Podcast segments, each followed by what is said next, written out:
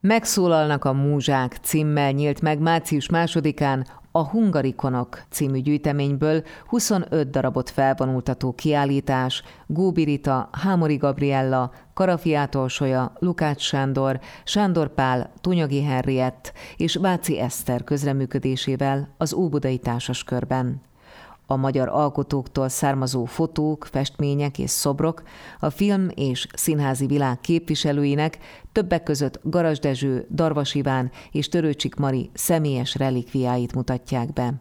A kiállításon látható mások mellett Tolnai Klári elmeze, Váradi Hédi látcsöve, Karádi Katalin kiskanalai, Jancsó Miklós pipája és Nemes Jeles László csokornyakkendője.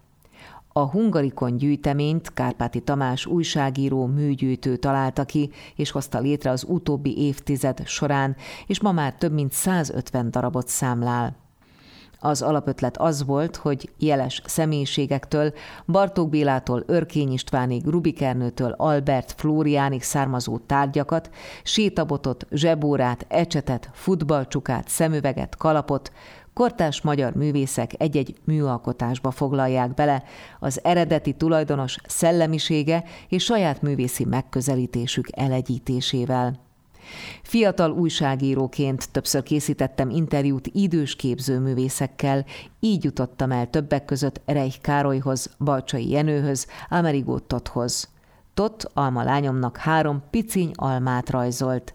Ez volt a gyűjteményem első darabja, mondja Kárpáti Tamás, akivel a most nyílt kiállítás kapcsán beszélgettünk egy híres magyar művész, sportoló, tudós, többnyire emblematikus relikviájából egy kortárs magyar képzőművész készít festményt, szobrot, installációt. Mondjuk a Minarik Edek alapjából Garas Dezső híres filmbeli idézőjelben mondom partneréből Maklári Lilla készített szobrot, vagy Bárdi György pipáját egy nagy festményben helyezte el Dóró Zsolt, és így tovább. Ezen a óbudai kiállításon cím Hungarikonak a film és színház világából, az alcím pedig megszólalnak a múzsák. Arra törekszünk, vagy törekedtünk már a megnyitón is, hogy egy-egy műtárgy kapcsán vagy a volt tulajdonos, vagy az alkotó szólaljon meg. Tehát például Gyémánt László mesél arról a képről, amelynek a közepében egyrészt az általa festett Darvas Iván portré látható, másrészt pedig a Darvas Ivánnak egy rendezői példányból származó kézelírt instrukciója konkrétan a Hajdani Művészínházban bemutatott Godóra várba előadásnak a relikviái, hiszen a Darvas Iván rendezte, és a Garas Dezső volt a partnere, Vladimir és Esztragon, és a Gyémánt László volt a díszlet és jelmeztervezője az előadásnak.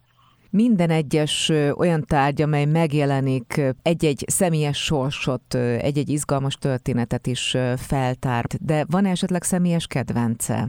Illik azt mondani, hogy persze, hogy van, illetve azt illik válaszolni, hogy ez mind saját gyermek, és mindig a legkisebb a kedvenc. Most a legutolsó egyébként a Sándor Páltól kapott csapó, mégpedig épp a régi idők focia című filmnek a csapója, amelyből ifjabb Szlávics László készített egy nagyon izgalmas munkát.